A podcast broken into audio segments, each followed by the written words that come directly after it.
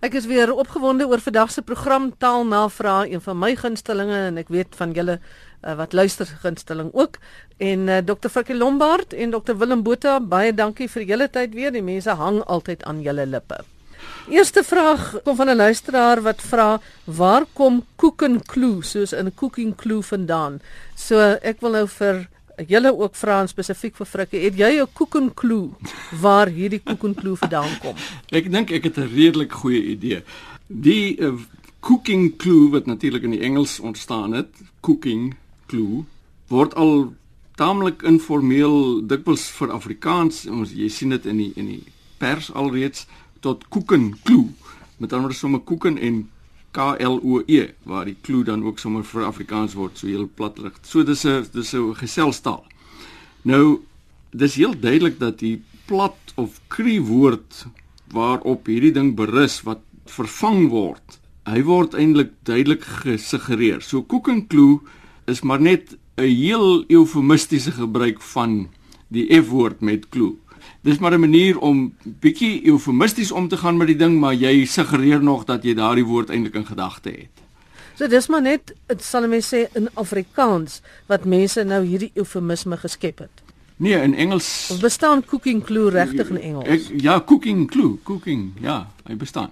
Cooking clue. En ons het dit gemaak cooking clue. Hy het nie 'n cooking clue nie. Uh so dit is maar gebaseer ook op Engels. Ja.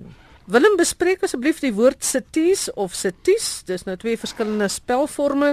Uh en dit is die konsertina speler Mike Smit wat vir ons so vra. Hy's al sê hy 'n veteraan van 78 jaar jonk.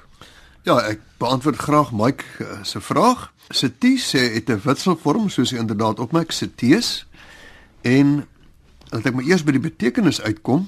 Wat die dans betref, is eerstens 'n dans is 'n oudtydse wat hulle noem 'n ronde dans van Skotse oorsprong wat aan 'n stadige polka herinner. En uh, dit word ook gesê dat daar na elke derde passie is daar so 'n skoppie wat gegee word. Nou ek het nou nog nie dit gesien nie, maar dit dit klink na pret en is van Skotse herkoms en die woord seties is inderdaad 'n volksetimologiese afleiding van die Duits skottische, aan die woord skotse. In die WAT is daar 'n paar mooi aanhalinge. Ek lees gou tweetjies. Met troues is die lansers en die mazurka, die seties en die polka tot dagbreek gedans. En Johannes Myntjies skryf in sy dagboek: Nou die aand was ons op 'n plaasdans waar die ooms en die tannies die polka en die seties gedans het en vorentoe en agtertoe met die eienaardigste hot en haar stappies gespring het. Maar dan is dit natuurlik ook die musiek vir die seties vir die dans en ek lees weer twee mooi aanhalinge uit die WAT. Byna onmiddellik begin die konsertina met 'n paar lang gerekte bewende note en die musikant spring weg met 'n opgewekte seties. Dis Haie Vermaas wat in die Perdedief hierdie sin geskep het en dan uh, van ou professor AC Silje in sy outobiografie Lewensavontuur skryf hy dit was nie senklies wat hulle gespeel en gesing het nie maar regte boere en vastrap musiek en volksliedjies, setiese, walse en polkas. Ek hoop Mike het lekker geluister en uh, ek hoop hy speel lekker konsertina. Wat vir my interessant is, né, die seties, die reel en die uierse klopdans wat ons ook noem die riverdans, is is eintlik dieselfde ding. Hulle het eintlik verband met mekaar. Ja, mens wonder uh, hoe ons nou by hierdie danse en, en musiek uitgekom het, maar dis dit is so ja, dit is Ja, dis meer 'n meer 'n kultuurhistoriese ding wat jy kry ja. byvoorbeeld ook die Skotse reel en dan nou die reel wat ons nou ken. Miskien die Skotse uh, sendlinge. Dit kan dit wees. Nog steeds die reel dans op die platteland. Ja. Dit kan wees, hoor. Frikkie word ver nou met 'n kappie of sonder 'n kappie geskryf, vra Toby van Wyk vir jou. Ja, Toby, dit is 'n uh, uh, baie geldige vraag. Kom ons gaan weer eens na die reëls toe wat ons kry in die Afrikaanse woordelys en spelreëls. Reël 10.2 sê wanneer e in 'n geslote lettergreep voorkom. Dit is 'n lettergreep wat eindig op 'n konsonant. Wanneer hy so in so 'n lettergreep voorkom wat op 'n enkele konsonant letter eindig, dan word die kappie op die e gebruik indien die klank die waarde het van e en lank uitgespreek word, soos miljardêr, miljonair, sekondêr, skêr, vulgêr, al die soort van voorbeelde. Dan's daar 'n opmerking by hierdie reël wat nou weer die ding bietjie amendeer en wat sê indien 'n geslote lettergreep met e op meer as een konsonant letter eindig. Soos in mens, daar's nou twee konsonant konsonante na die e, naamlik n en s. In wens en kerk waar daar r en 'n k is na die na die e, dan word die kappie nie gebruik nie. Nou 'n mens kan sien die goeters kan ingewikkeld raak, maar volgens die reël 10.2 wat ek uh, net nou genoem het wanneer die e in 'n die e in 'n geslote lettergreep voorkom wat op 'n enkele konsonant letter eindig, dan word die klank met die waarde e word hy lank uitgespreek en hy kry 'n kappie. Met ander woorde, dit kom daarop neer dat ver eintlik met 'n kappie behoort geskryf te word. Maar ons het al die jare het ons kappie van die eerste AWS wat verskyn het en dit is 1917. Volgende jaar is dit eeufeesjaar vir die uh, Afrikaanse woordelys en spelreëls van die begin af is hy geskryf sonder 'n kappie. Dus vanweë die tradisie word die vorm sonder die kappie nog steeds behou, maar jy kan hom ook met 'n kappie skryf en met die kappie voldoen hy eintlik presies aan reël 10.2 se vereistes. Maar asseblief, mense moet kennis neem, jy kan hom nog steeds sonder die kappie skryf en ek ek skryf dit maar nog ook ter wille van die tradisie wat ek gewoond is dit sonder die kappie. So as ons sing ver in die wêreld, kitty, kitty, kitty, ver in die wêreld, kitty, dan kan hy 'n kappie op hê of nie. Hy kan 'n kappie hê of nie. 'n Ster is dieselfde beginsel? Ster. Ja, soos in 'n hemelruim, die ster. Ver en ster. Ver en ster. Kort klank? Uh, kort klank nee, so, dan so dan dan, dan nou nie, maar ja. Goed. Dit is wanneer die klank lank uitgespreek word. Perd. Kyk, perd en alle stert en perd is daai waar waar daar meer as een konsonant letter is. Dis 'n ja. nie net een nie, dis 'n r en 'n d. Met ander woorde, dis daai amendering van die reël. In daai geval perd klink of hy 'n het, maar wanneer wanneer 'n geslote lettergreep op meer as een konsonant letter eindig, dan kry daai e nie 'n kapie op. So perd en stert kry nog steeds nie. Mens het nie perd het nie, stert het nie al daai Maar as jy nou sê hier kom pere, dan kry daai 'n kappie want dan sit 'n oop letter. Dan dan maak jy hom 'n oop letter greep en hy het nie 'n d wat volg nie, jy weet. So ja. daai geselstaal vorm kry die kappie. Moet perde. Perde moenie 'n kappie hê nie. Want dis die rde pere, pere, pere, moet pere gaan, ja, want hy word gerek en daar's nie twee konsonantletters nie. Goed Willem, wat is die versamelnaam vir 'n klompie kraaie? Hasse en skilpaaie, maar ek neem nou aan dis nie almal saam nie. Seker vir elkeen op sy individueel, ja. Ehm uh, Magdalene, hierdie vraag het na ons toe gekom uit verskillende bronne en as jy op die internet gaan kyk, dit is op almal se lippe, almal wil weet wat is die versamelnaam vir hase en skilpaaie. Dit lyk vir my dit was in 'n vraestel. En ek wil nou 'n beroep doen op moderators, asseblief. Moenie dit doen nie. Daar is nie in Afrikaans 'n bekende versamelnaam vir hase en vir skilpaaie. Waarskynlik omdat hasse en skilpaaie nie gewoonlik in groepe rondbeweeg nie. So bevorder mense nou regtig nie Afrikaans nie. Jy gaan niemand liewer maak vir Afrikaans deur sulke vrae te vra nie want dit is onbillik. Ons het daar by die VAT oor gesels en Anel uh, Fourie Blair het, het met die voorstel gekom dat dit miskien kom 'n kyk na Engels en na daar van die Engels na Afrikaanse vrae gevra is want jy kry in Engels a herd of rabbits or hares en jy kry 'n creep of tortoises. As jy dan nou moet, kan jy probeer met 'n trop hase of 'n troppie hase of dan nou by skilpad sal jy miskien kan praat van 'n gekruip skilpaaie, maar dis absoluut gedwonge. Ons vind dit nie nodig om versamelname vir daardie diere te skep nie. Ons het sommer klomp hase en klomp. As klomp hase klomp. Dit is is regtig, ek is regtig ernstig, ek is ek is kwaad hieroor. As jy nou wil snaaks wees en 'n snaakse vraag vra en en nou wil ek maar sommer die die mense help as hulle nog wil snaaks raak. As hulle vir jou vra wat is die versamelnaam vir hoenders, kan ek vir hulle sê dis 'n toom hoenders. Hmm. Maar dit is so ongewoon, dit is regtig belaglik. Maar is die probleem nie nou hier dat die mense wat hierdie vrae stel opgestel het as dit dan nou uit 'n vraestel kom het nou eintlik gesondig deur 'n Engelse vraestel hmm. te vat en te dink hulle vertaal dit nou in Dit mag wees. Ja, ons weet nie, maar dit ja, mag wees. Ek dink ons dink is 'n geval hierso. Uh, ek wil hom net sê ek ek vind wel die versamelname, jy weet wat op ver pad kom, interessant soos wat Willem nou gesê het, die toemoeners. Dis vir vir my nogal 'n bietjie jammer wees dis dit nou sommer net verdwyn net omdat mense dit nie ken nie. Ek's daar miskien weer bietjie meer konservatief. Ek wil net daarop wys, jy weet Engelse die Engelse versamelname is is baie keer half geskep oor dat dit allitereer uh soos 'n fl flamboyance of flamingos. Jy weet dit maak ook nie vreeslik sin nie of 'n murder of crows byvoorbeeld die die die soort van ding. Dis dit is dis baie oulik maar wat is nou 'n murder of crows ja. presies jy weet net omdat 'n klomp kraaie bymekaar sit. Hoekom vorm hulle 'n murder? Dit is dis bietjie raar. Ja en ons moet ook versigtig wees om nie altyd te aanvaar of dit te vol forceer daar daar vir elke Engelse term noodwendig Afrikaanse term moet wees nie. Hmm. as jy byvoorbeeld kyk na verkleiningsforme 'n klein hondjie in Engels is 'n puppy maar ons het nie 'n woord, 'n spesifieke woord vir 'n klein hondjie in Afrikaans nie. Dis net 'n klein hondjie of die kleintjies. Ons praat ons sê die hond het kleintjies gekry. Ons gaan kyk na die klein hondjies. So wees tog versigtig uh om altyd die tale wil gelyk te stel.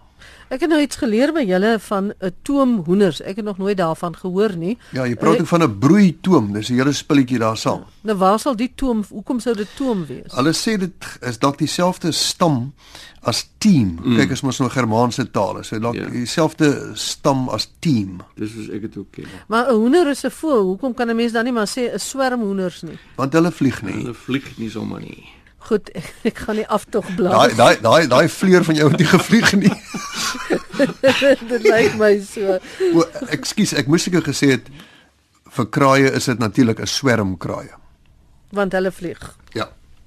Goed, en dan Frikkie Dominee Petrus Moelman het kommentaar oor die verwysing na kerk as haar of sy. Nou so rukkie terug sal julle onthou het ons gepraat oor die sy vir wanneer sê mens sy en haar mm. die vroulik of wanneer die manlik? Ja ek het my uh, miskien 'n bietjie te sterk uitgelaat oor die feit dat mense in Afrikaans die sogenaamde manlike vorm van die vo uh, voornaam word gebruik vir alles min of meer.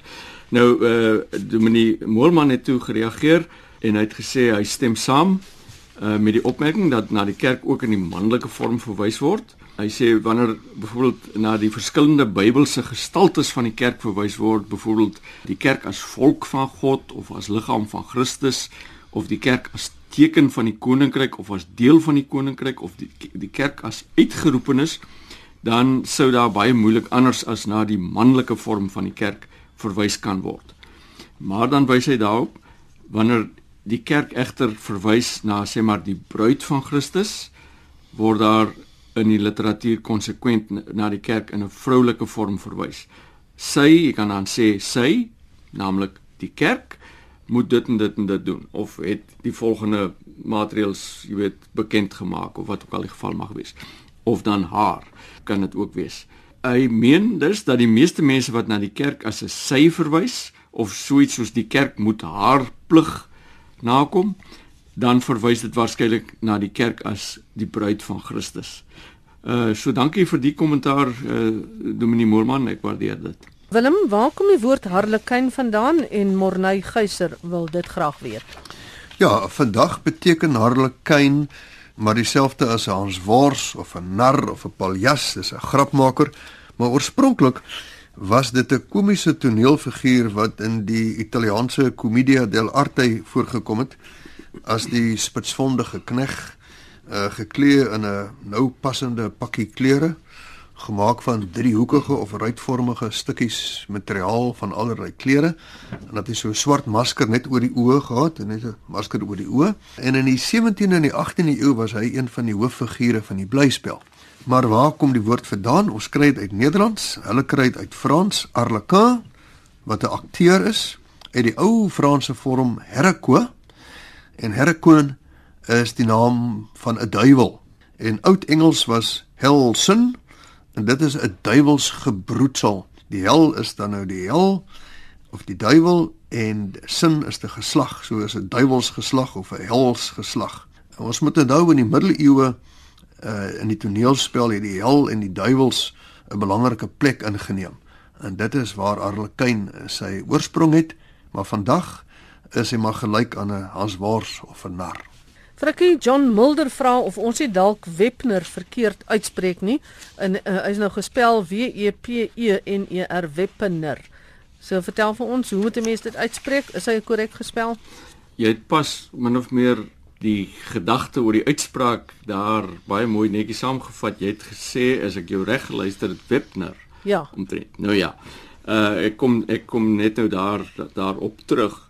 Kyk streng gesproke as 'n mens kyk na die spelling W E P E N E R, dan is daar twee oop lettergrepe, W en P E. W W E en P E.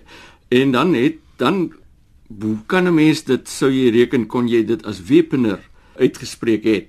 Dit is 'n heel geldige vraag hierdie, maar kom ons kom ons gaan kyk maar waar kom dit vandaan? Dit is natuurlik 'n historiese figuur en die dorpie wat daar naby die Lesotho grens is min of meer is vernoem na Laurens Jacobus of dan nou Lou Webner wat oorlede is tydens die aanslag op Taba Bosigo. En hy was 'n agterkleinkind van Joachim Ernst Webner van 'n uh, aanklam in Pommerde met ander Pruise en die interessante was dat hierdie Pruis het as en daar was nie, was baie meer van hulle as een was uh, as 'n uit as 'n VOC soldaat, die Verenigde Oos-Indiese Kompanjie soldaat Kaap toe gekom. Nou die Duitse uitspraak word gereken dat dit miskien Wepener kon wees. Wepener. Uh maar vanweë die moontlike assimilasie, dit wat jy nou ook gesê het in jou uitspraak, het die mense waarskynlik gesê Webner, toe die mense nou lank was in die Kaap en met die Nederlandse invloed of die omgewing sodat daar 'n e in plaas van die e gebruik is. Dus ons sê Webner of Webner en ons skryf dit nog steeds soos dit destyds voorgekom het by die aard met die stamvader wat hier gekom het. Alhoewel dit klink asof dit eintlik met 2 P's die skryfwyse suggereer dat dit eintlik met 2 P's geskryf moet word. Dit word nie gedoen nie. Ook die uitspraak Woordeboek gee slegs hierdie vorm Webner of Webner by die uitspraak. Ons moet ook onthou die name van mense of plekke volg nie altyd taalkundige voorskrifte so getrou nie. Ek ken byvoorbeeld twee dames wat hulle name skryf R I E T T E en hulle dit word nie as Rite uitgespreek nie, maar Ri het.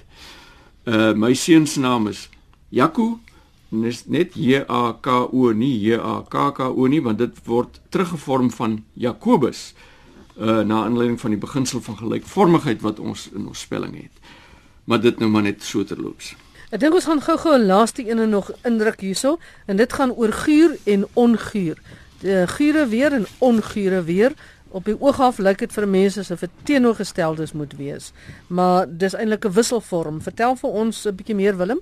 Ja, Magdalene, ons het hierdie vraag al verskeie keer gehad, maar ek ek dink ons moet hom nog een keer beantwoord. Guur het 'n nouer toepassing as onguur. Guur is eintlik maar net ten opsigte van die weer van toepassing. Gure weer. Maar dit kan ook beteken onaangenaam, onwelvoeglik.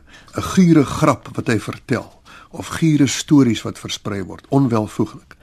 Onguur het 'n breër toepassing. Dit kan op die weer van toepassing wees, op iets algemeens wat wat onaangenaam is of onwelvoeglik, ook ten opsigte van mense. En dan is dit agterdogwekkend van twyfelagtige karakter of agtergrond. Ek haal 'n paar sinne aan uit die WAT. In haar drang na liefde knoop sy links en regs verhoudings aan, gewoonlik met ongure mans. Maar waar kom dit vandaan? Onguur is die oudste vorm. Alles het begin met onguur en die guur in onguur het eintlik beteken lief of sagsinnig. Maar dit het nooit as 'n simplex bestaan nie, altyd net bestaan as onguur. In mettertyd het die mense nie meer geweet wat daardie gier beteken nie. En toe het hulle begin om die on weg te laat en net gepraat van gier. Hulle het gedink gier op sy eie is reeds 'n negatiewe 'n woord met 'n negatiewe betekenis, terwyl dit eintlik lief en sagsinnig beteken. Maar intussen het ander mense aangegaan om onguur te gebruik. En so is onguur en guur later in dieselfde betekenis gebruik. Maar onguur is die oorspronklike betekenis. Dit is is so interessant dat ene Kilian, 'n etimoloog het in 1599 die woord guur as verouderd beskou. Maar in werklikheid was dit toe 'n baie nuwe woord wat bevry is van sy on en hy het dit nie verstaan nie. Die woord was nog net baie nuut en en en en min gebruik. So dit het alles begin met onguur wat nie lief, nie sagsinnig nie beteken dit 'n mense wat vergeet het dan wat daai gier beteken en toe begin het om die onweg te laat en net van gier te praat. En vandag het ons albei forme en albei beteken onaangenaam, maar interessant genoeg gier het 'n nouer toepassing, dit is hoofsaaklik op die weer. En ongier is op die weer, op mense of enige onaangename omstandigheid. Dankie Dr Willem Botha en Dr Frikkie Lombard vir julle verduidelikings vandag. Dankie dat jy ingeskakel en geluister het en bly ingeskakel by RSG. Groete van my Magdalene Creer.